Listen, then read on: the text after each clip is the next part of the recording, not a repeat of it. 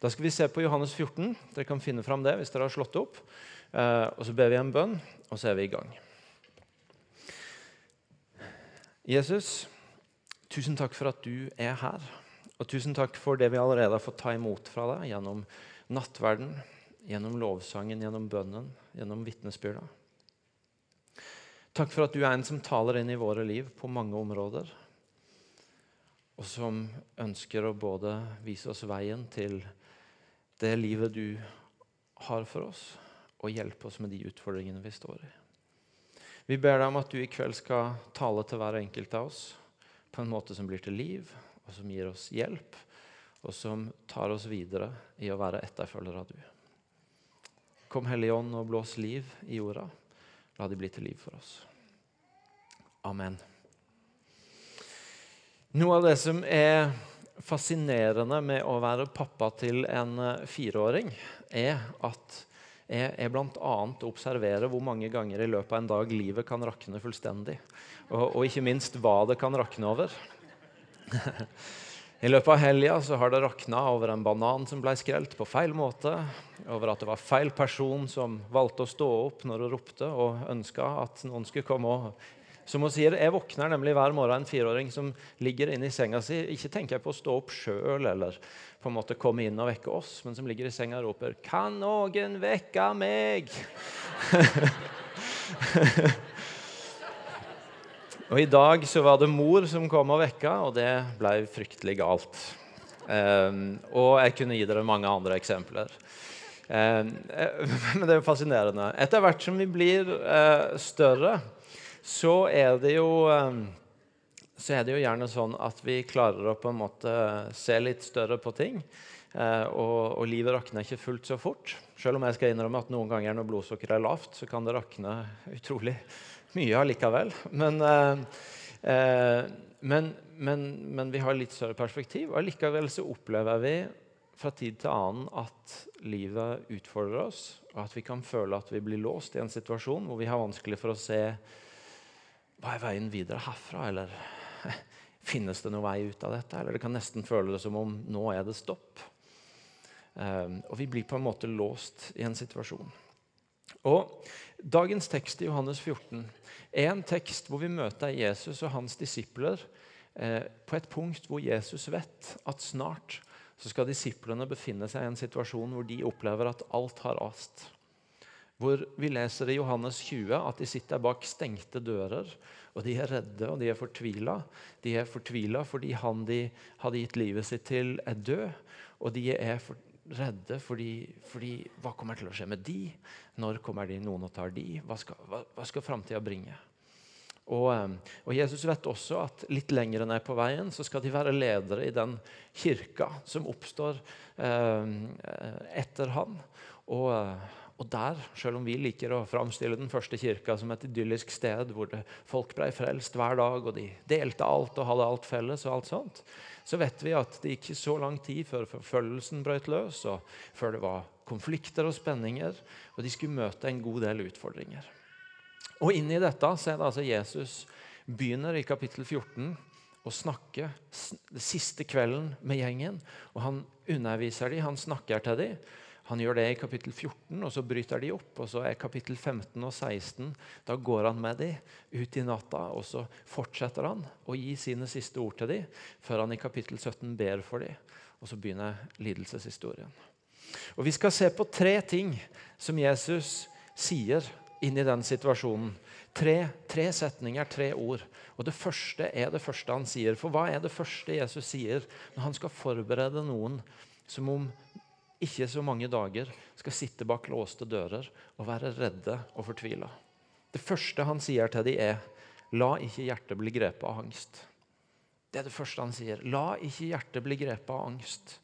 Han vet at de kommer til å møte noe som, som de kommer til å bli tatt av, og som kommer til å utfordre dem, og som de kommer til å synes er kjempevanskelig.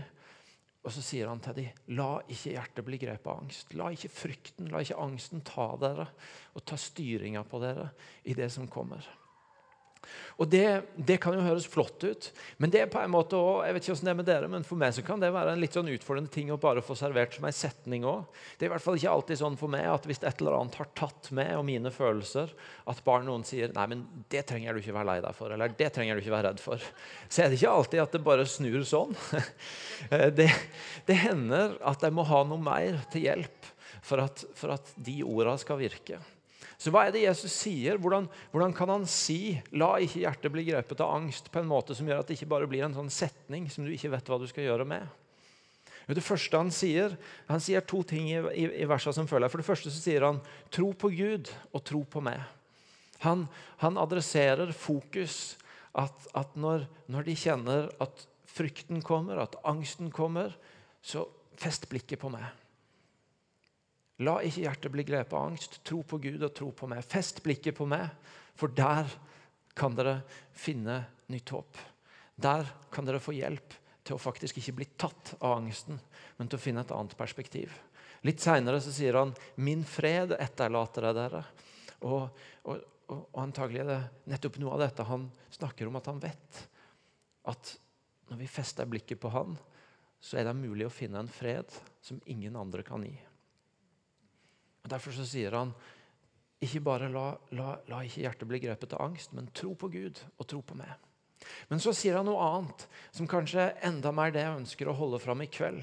Og det at han sier, 'Jeg går og gjør klart en plass i himmelen til dere'. Han sier, og vi skal lese de neste versene, 'I min fars hus er det mange rom.' Var det ikke slik, hadde jeg da sagt dere at jeg går og vil gjøre i stand et sted for dere.' Og når jeg har gått og gjort i stand et sted for dere, vil jeg komme tilbake og ta dere, ta dere til meg, så dere skal være der jeg er. Og dit jeg går, vet dere veien. Når jeg har gått og gjort i stand et sted for dere, vil jeg komme tilbake og ta dere til meg, så dere skal være der jeg er. Han sier, 'Jeg går og gjør i stand et sted i himmelen for dere.' Og, og, og dit skal dere få komme. Dit skal jeg hente dere til meg. Og her gir han oss noe annet som hjelper oss til å ikke la hjertet bli grepet av angst. Han gir oss nemlig et evighetsperspektiv over livet. Han forteller oss at når vi fanges i de situasjonene som, som, som gjør at angsten kan ta tak i oss, at frykten kan ta tak i oss, at vi ikke skjønner hvordan i all verden skal det finnes en vei videre herfra. Er dette slutten? Så, så sier han noe om at dere skal få lov til å se livet med et mye større perspektiv, med et mye større blikk. For dere har ikke bare her og nå som fokus, men dere har en evighet som fokus.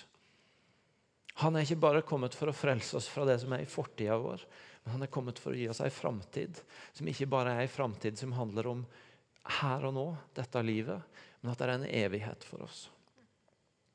Og Det gjør at vi kan se livet og de utfordringene vi møter, på en helt annen måte. Fordi vi kan vite at i møte med det som møter oss, så uansett hva som skjer, så kan vi vite at dette er ikke slutten. Dette er ikke slutten. Fra ei tid tilbake så satt jeg med, med, med, med, to mennesker hvor den ene forberedte seg på at døden var like rundt hjørnet. Og De fortalte hvordan i den prosessen så var det så mange ting som ellers i livet og også i troa hadde opplevd det viktig, som egentlig ble skrelt bort. Som ikke lenger fikk den plassen, som ikke, ikke lenger verken betydde så mye eller hadde den tyngden som den smerten og den situasjonen medførte. Men de sa men, men så er det også noen ting som står igjen. Det er ting som skrelles bort, men det er også en ting som står igjen. Og En av de tingene som sto igjen, det var vissheten om håpet om himmelen vissheten om et evig liv. Og vi lever i ei tid hvor ting egentlig kan det føles som ofte bare kan gå for seint for oss. Det er en setning som har hengt ved meg etter at jeg var på en sommerfestival og vi fikk beskjed om at feilparkerte biler måtte flyttes. Og så var den siste beskjeden det kan bare gå for seint. Med andre ord, det haster. Og vi lever litt i ei sånn tid hvor det føles som om at alle svar må komme nå. Alle løsninger skulle egentlig kommet i går. Vi er vant til at ting går fort. Vi er utålmodige.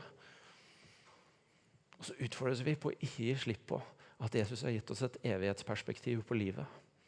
Hvor når vi står midt i dritten og utfordringene og det vi ikke ser veien ut av nå, så handler det ikke alltid bare om ei løsning nå. Men det handler om å se at dette er uansett ikke slutten. Fordi vi lever med et evighetsperspektiv. Ikke fordi at Jesus ber oss om å fornekte virkeligheten her og nå. Ikke fordi han ber oss om å late som at det som er vondt, ikke er vondt, fordi vi skal jo uansett til himmelen. Men tvert imot at vi nettopp kan være veldig ærlige på det vi opplever nå. Men se det fra et annet perspektiv.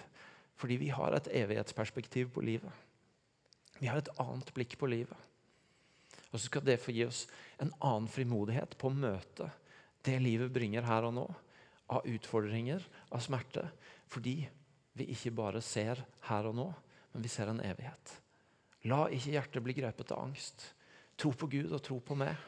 Jeg går for å gjøre i stand et rom for dere i himmelen. Jesus inviterer oss til å ha et evighetsperspektiv på det vi opplever her og nå. Det andre Jesus sier som vi skal stoppe ved i dag, det er at han sier i vers 18.: Jeg lar dere ikke bli igjen som foreldreløse barn.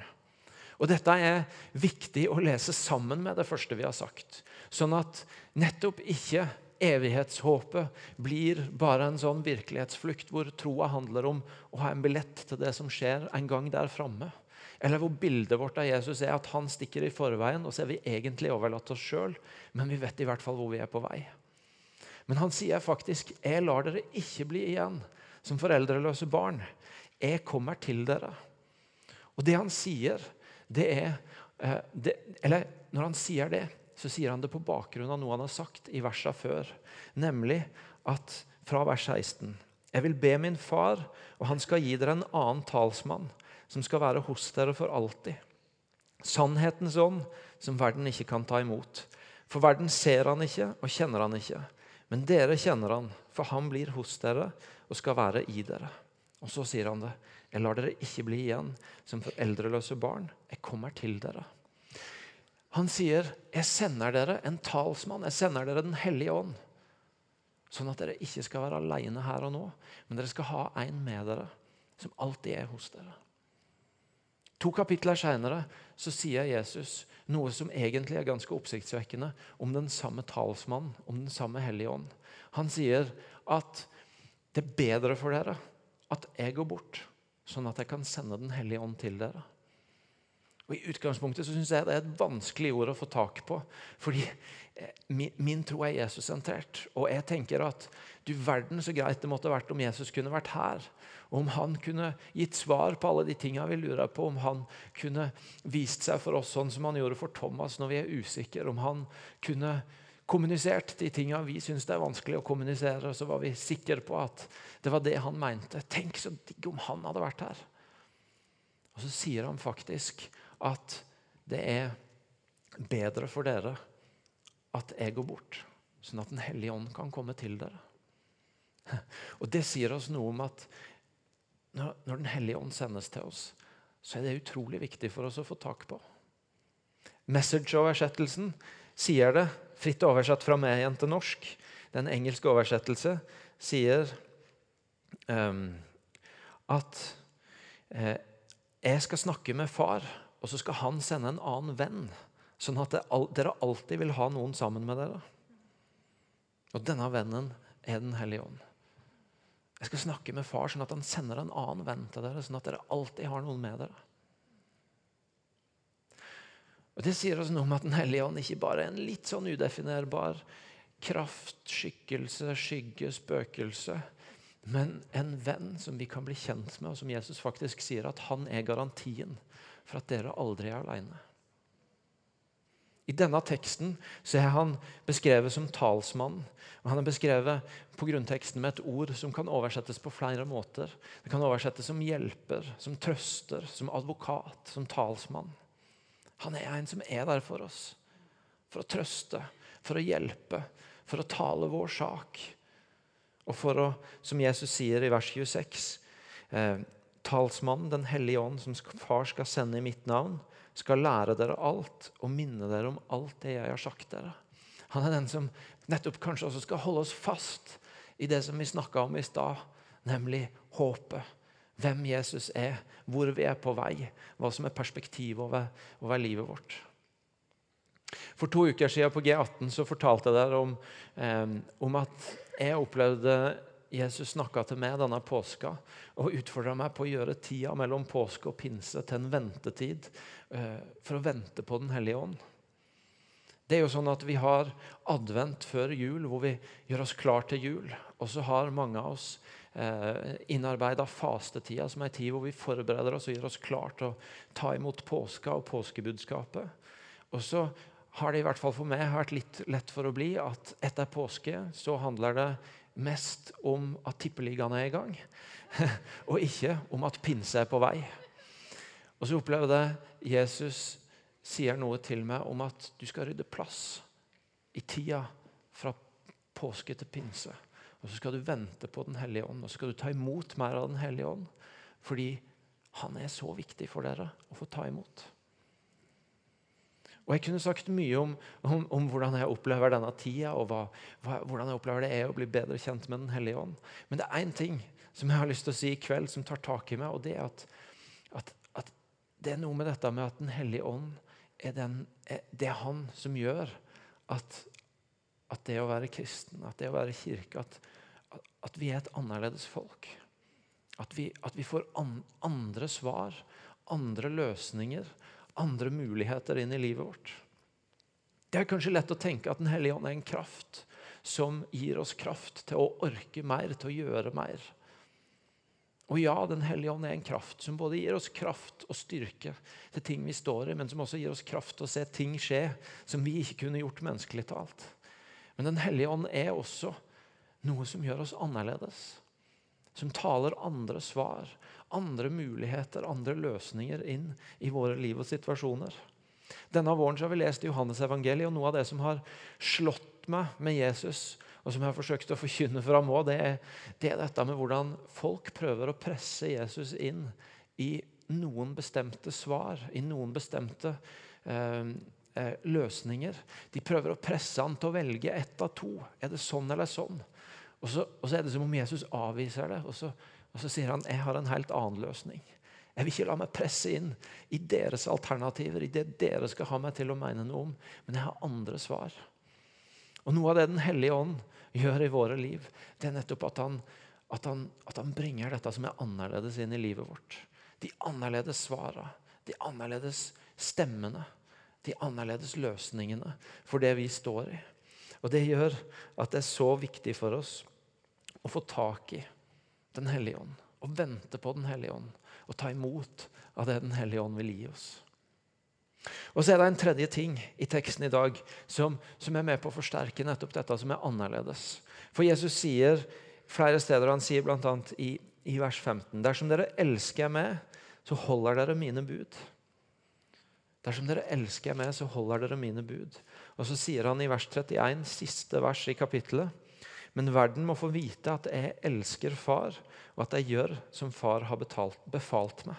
Ikke betalt meg. Det, det ble veldig feil.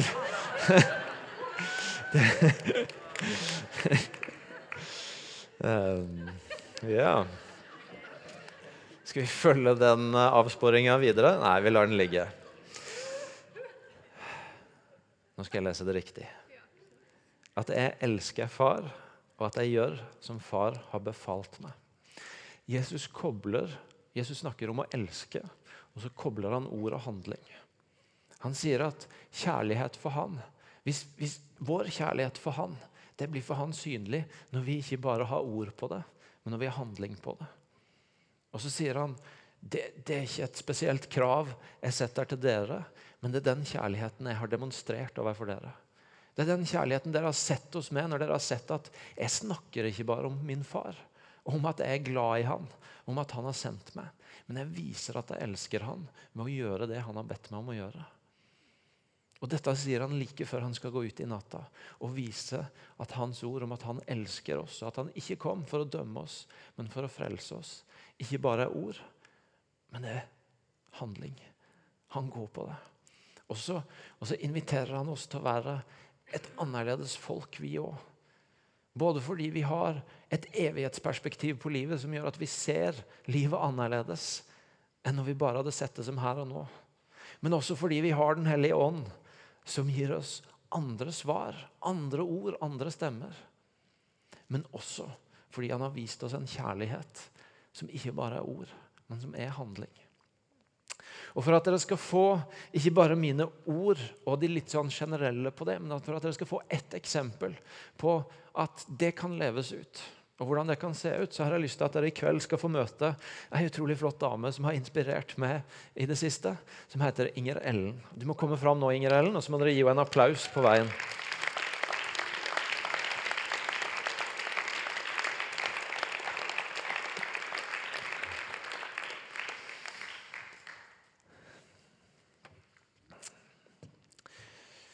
Veldig bra. Jeg og Inger Ellen har en avtale, og det er at jeg skal sette henne i gang. Og så skal jeg ikke avbryte for mye, for da sier hun hun blir kommer, de blir så distrahert. Så det blir noen sidespor. Eh, men det jeg skal si før du begynner å snakke, Inger Ellen, det er at eh, i høst så eh, starta vi aksjonen Vi vil hjelpe. Som var en respons på at mange mennesker som var fremmede i vårt land, kom som flyktninger. Og Vi ønska å være med og si velkommen. Vi ønska å være med og bety noe for dem. Vi ønska at de skulle oppleve at velkommen til Norge ikke bare var ord, men det var handling. Og Inger Ellen er en av de som har engasjert seg i det, og som tror jeg er riktig å si, har fått oppleve at det har også velsigna henne tilbake. Eh, fortell litt om hvordan det har sett ut i ditt liv. Jeg må ha noen notater, for ellers så kommer jeg til å snakke meg vekk. For det har blitt så mange ting etter hvert. Eh, men jeg tror jeg må starte med å si at jeg er helt sikker på at Gud har et stort hjerte for flyktningene. Og at han ønsker at vi skal være hans utstrakte arm, fordi at nå er denne gruppen her hos oss. Og nå har vi en mulighet til å hjelpe og til å være der sammen med dem. Men jeg trodde jo ikke at eh, jeg skulle være en del av dette. Det var de andre. Eh, så eh, grunnen for det jeg tenkte sånn, var nok at jeg var litt redd. Jeg var i hvert fall usikker. Fordi at nå når disse flyktningene kom innover landet, så var de mange, og de var fra helt andre kulturer. Det var fremmede språk. Eh, det var andre religioner enn jeg er vant med. Eh, og det var veldig mange muslimer. Jeg jobber i skolen som lærer, og jeg møter jo de der. Men når jeg skulle liksom ha de mer inn på livet Jeg visste ikke om jeg helt takla det. Og hvordan skulle jeg forholde meg til de, jeg som var kristen? Eh, nei, dette ble for vanskelig. Så jeg hadde i grunnen tenkt å takke nei til til den utfordringen som jeg tror Gud egentlig kaller meg til. For jeg tror han sa til meg nå er det tid til å eh, gå ut av din komfortsone eh, og våge å ta noen nye steg. Eh, så jeg meldte meg.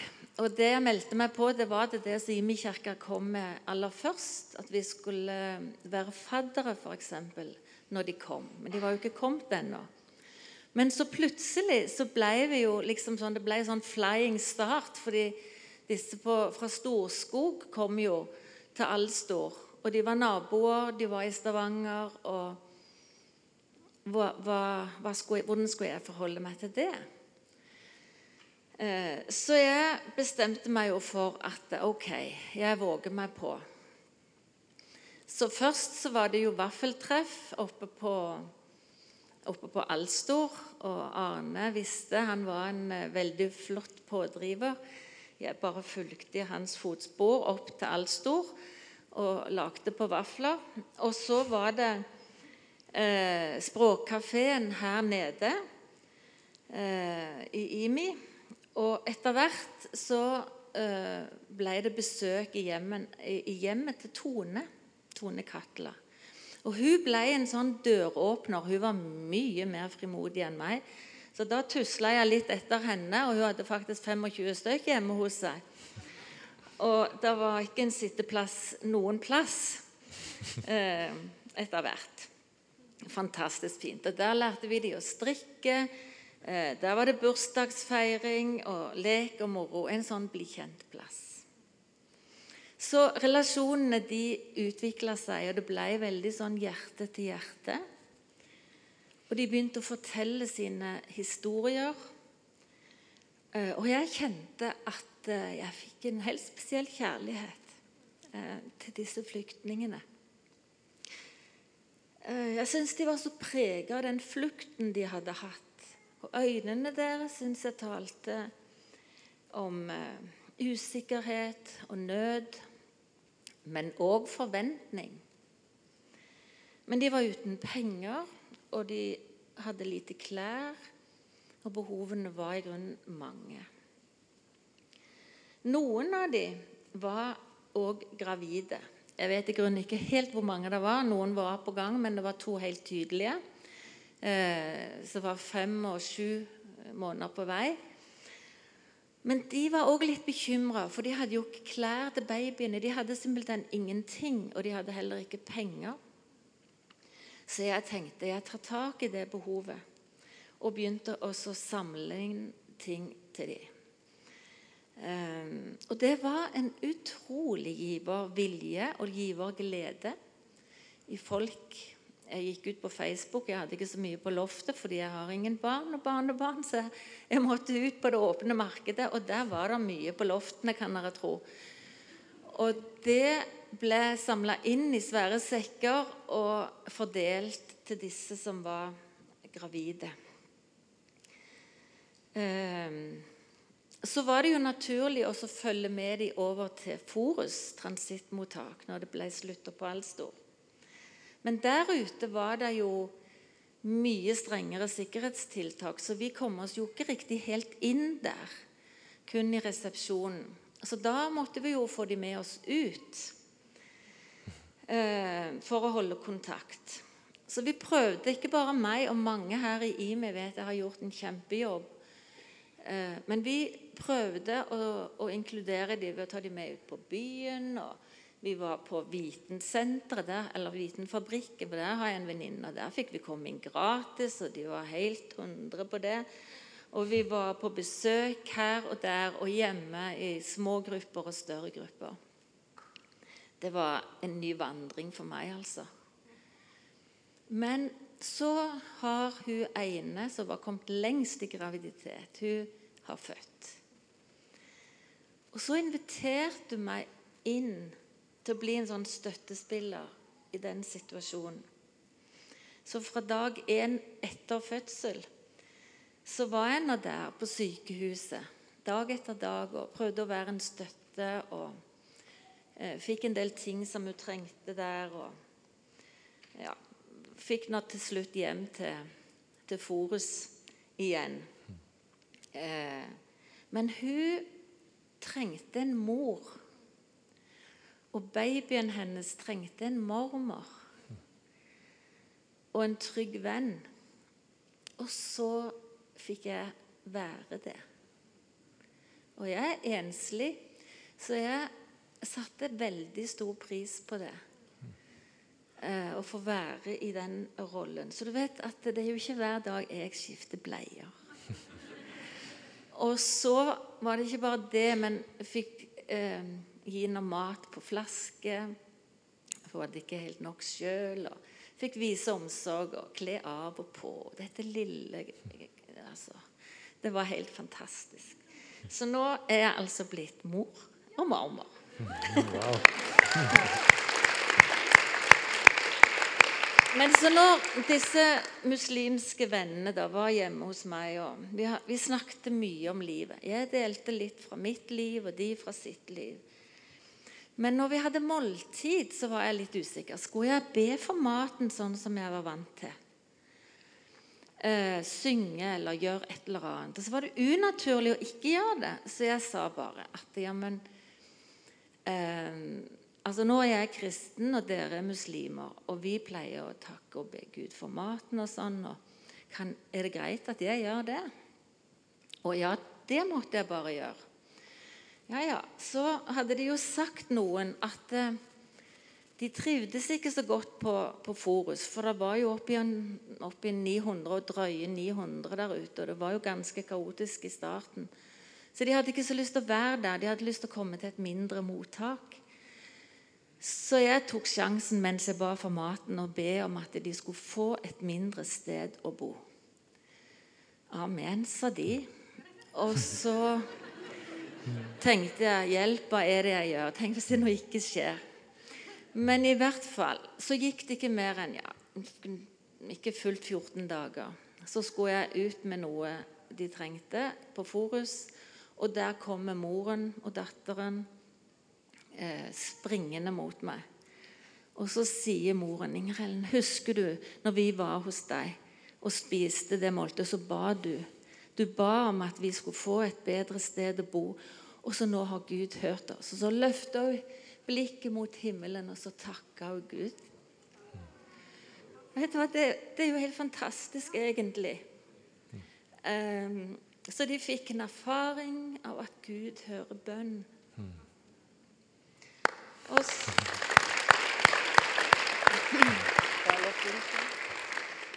um, ja. Um, og så Litt seinere, når de var kommet seg til Sauda, så, så, dro vi noen opp dit og besøkte de og var over et døgn. Og jeg sier godhet avler godhet. Så når vi kom opp der, da hadde de bakt kake. Det var det første. Og så hadde de bakt, eller lagd den mest nydelige libanesiske mat fire, på fire tallerkener. Jeg ante ikke hva jeg spiste, men det var ganske godt. Og de var så stolte over å kunne få lage mat til mm. meg og oss. Der fikk jeg en ny tittel. Der ble jeg kalt for second mommy. For der mm. var mamma på plass. Men nå var jeg en sånn second mamma. Det var ganske fint, det òg. Til en 19 år gammel da, jente. Så bare et par historier til. Eh, det er så kjekt å fortelle, for det er så fantastisk, syns jeg. Hva muligheter der er. Men det var sånn eh, at eh, hun som har født, hun var så trøtt etter fødselen og, og så verken på natten eller på dagen. Og det var, det var sånn at jeg tenkte nei, kanskje jeg skal invitere henne og babyen hjem, så hun kan få hvile litt. Så jeg gjorde det. Og det var et nytt steg for meg å invitere til overnatting. Men det ville hun veldig gjerne, og takket ja til det. Og da gikk det ikke så mye mer enn ti minutter på SMS-en fram og tilbake. Så sier hun Du, eh, kan eh, hun, hun, andre da, som er gravid, kunne hun òg fått vært med? Mm. Ja, sier jeg. Hun får bare komme. Ja, og så tenkte jeg begynte å telle på senger, for jeg tenkte jeg kan aldri vite hvor mange det kan bli. Men iallfall så uh, har jeg ikke så mye plass der hjemme. Men så gikk det ikke mer enn ti minutter igjen. Så kom den neste som sier du, eh, kan hun der en eh, rehab, Kunne hun òg få blitt med? For hun har mista babyen sin og er så lei seg. Og Så begynte jeg å kjenne på grensene mine, og så, så sa jeg det at eh, eh jeg har ikke så stor plass. Jeg vet ikke om jeg kan si ja til det.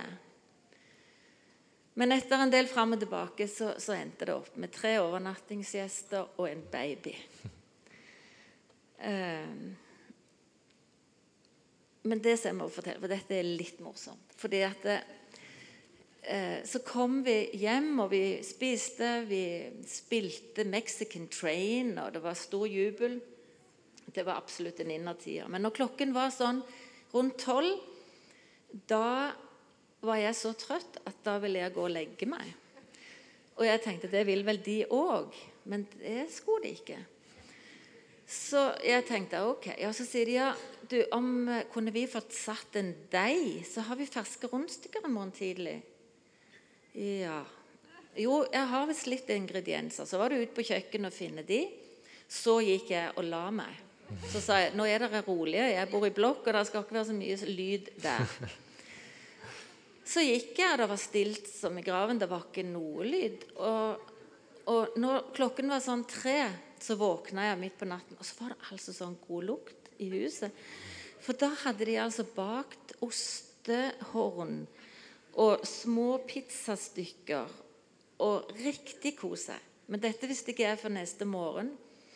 Og når jeg da kom ut eh, til frokost, sånn, så lå de der og småsov og sånn, og så sier hva, Det var ei som kom mot meg sier, og lo så veldig, og så sier hun nå skal du få ferske rundstykker til frokost. Og så sier de men ærlig talt tid, la dere dere? Nei, vi var, vi var i seng sånn i sekstida på morgenen fordi at eh, de ble så sultne etter hvert, så de hadde lagd spagetti og riktig kost seg der. Og spilt Mexican Train. Og så fant de ut de kanskje skulle legge seg. Men det ble frokost klokken ti, og det ble mye latter, og vi hadde det strålende.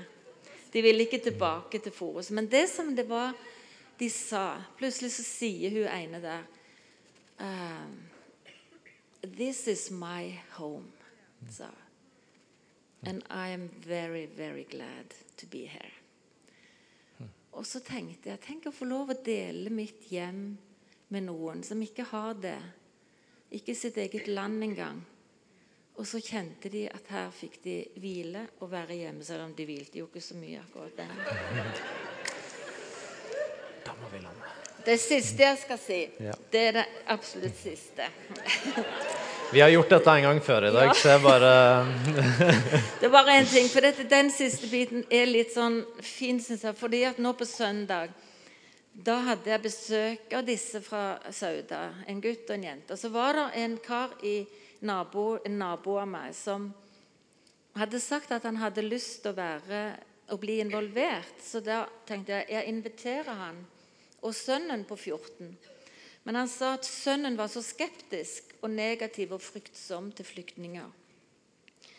Men han, faren fikk han med seg, og han kom inn og hilste på de og sånn. Så etter en stund gikk han opp eh, og gjorde lekser. Eh, og jeg tenkte kanskje ikke dette var det helt store. Men så plutselig så ringte det på døren igjen, og inn igjen kom han. Og vi var sammen hele den kvelden, og han tok del og syntes det var strålende. Så sier faren etterpå at eh, han hadde hatt så mye fremmedfrykt i seg. Og han var så redd for å møte disse fremmede fra en annen kultur og annet språk at han, han riktig ikke tålte det. Men det på en måte ble brutt, og så hadde han sagt de er jo helt vanlige mennesker, pappa, sa han. Og det tror jeg altså Og det å komme i møte og erfare at ikke-kristen, kristen og muslim eller hvem det er, at det går an å komme sammen og være venner og ha godt lag sammen. Så det synes jeg var litt fint. Så jeg må si at dette har virkelig berika livet mitt. Og det er en gave å få lov å få bety en forskjell i noens liv. Og jeg tror det betyr mer enn noen annen. Så hvis du har lyst til å ta del i den type arbeid og vise Guds kjærlighet til noen, så tror jeg det er noen som ville være veldig glad. Amen. Flott. Takk skal du ha, Inger Ellen.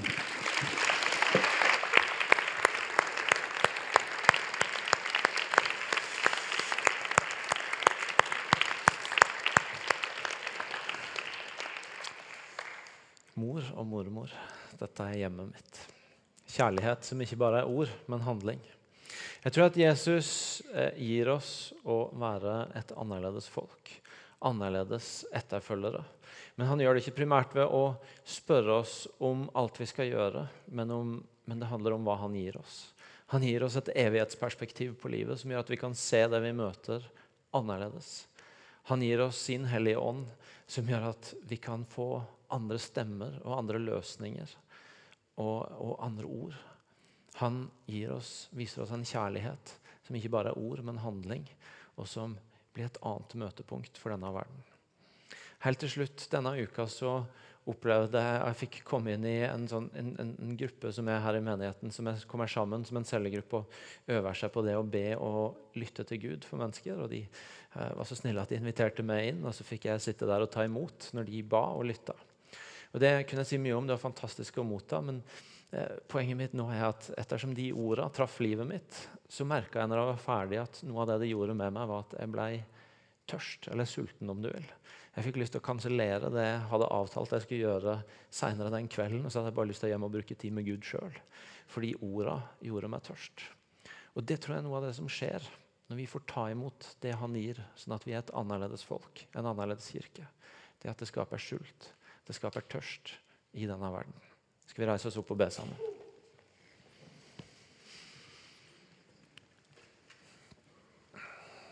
Takk, Jesus. Takk for det du gir og taler inn i våre liv.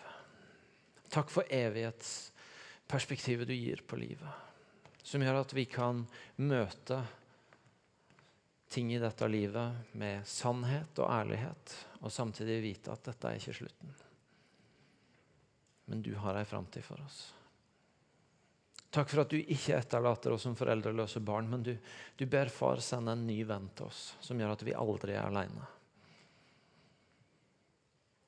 Takk, Jesus, for at du viser oss en kjærlighet som er annerledes, fordi den er ikke bare ord, men den handler. Jeg ber deg om at dette skal få møte våre liv som enkeltmennesker, men også som menighet. Sånn at du bare enda tydeligere setter oss ut som et annerledes folk som får bringe noe annerledes inn i denne verden.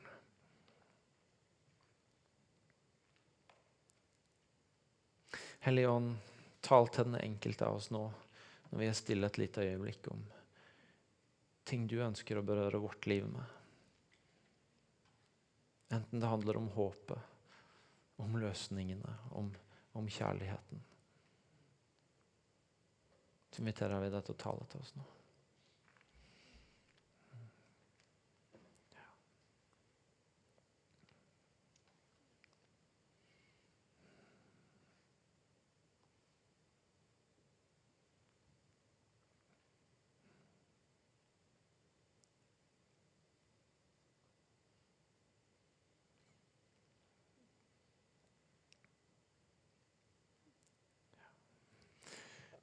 Da er det sånn at uh, Forbederne kommer til å være på den sida og gjerne vil be for deg, enten du nå har hørt et med tale om noe som taler inn i ditt liv. Kanskje du, trenger du håpet som et perspektiv over livet ditt. Kanskje trenger du noen nye svar, noen nye løsninger. Kanskje trenger du å utrustes til å eh, leve i denne kjærligheten som ikke bare er ord, men handling. Men kanskje også kommer du bare med situasjoner hit i dag, eller sykdom og smerte.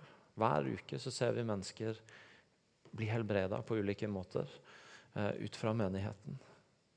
Senest i natt i Stavanger sentrum så var lys i mørkebussen ute og opplevde at mennesker ble helbreda. Og hvis du kommer med sykdom og smerte, så, så, så søk forbønn. Og så er du velkommen til å tilbe Jesus sammen med oss eh, her. Teamet leder oss i uh, tilbedelse. Og så er det ingen formell avslutning på møtet, men kafeen åpner der ute. Du er velkommen til å være igjen her for å tilbe og motta forbønn så lenge du ønsker. Som en sånn felles avslutning så tar vi imot velsignelsen. Herren velsigne deg og bevare deg. Herren la sitt ansikt lyse over deg og være deg nådig. Herren løfte sitt åsyn på deg og gi deg fred. Amen.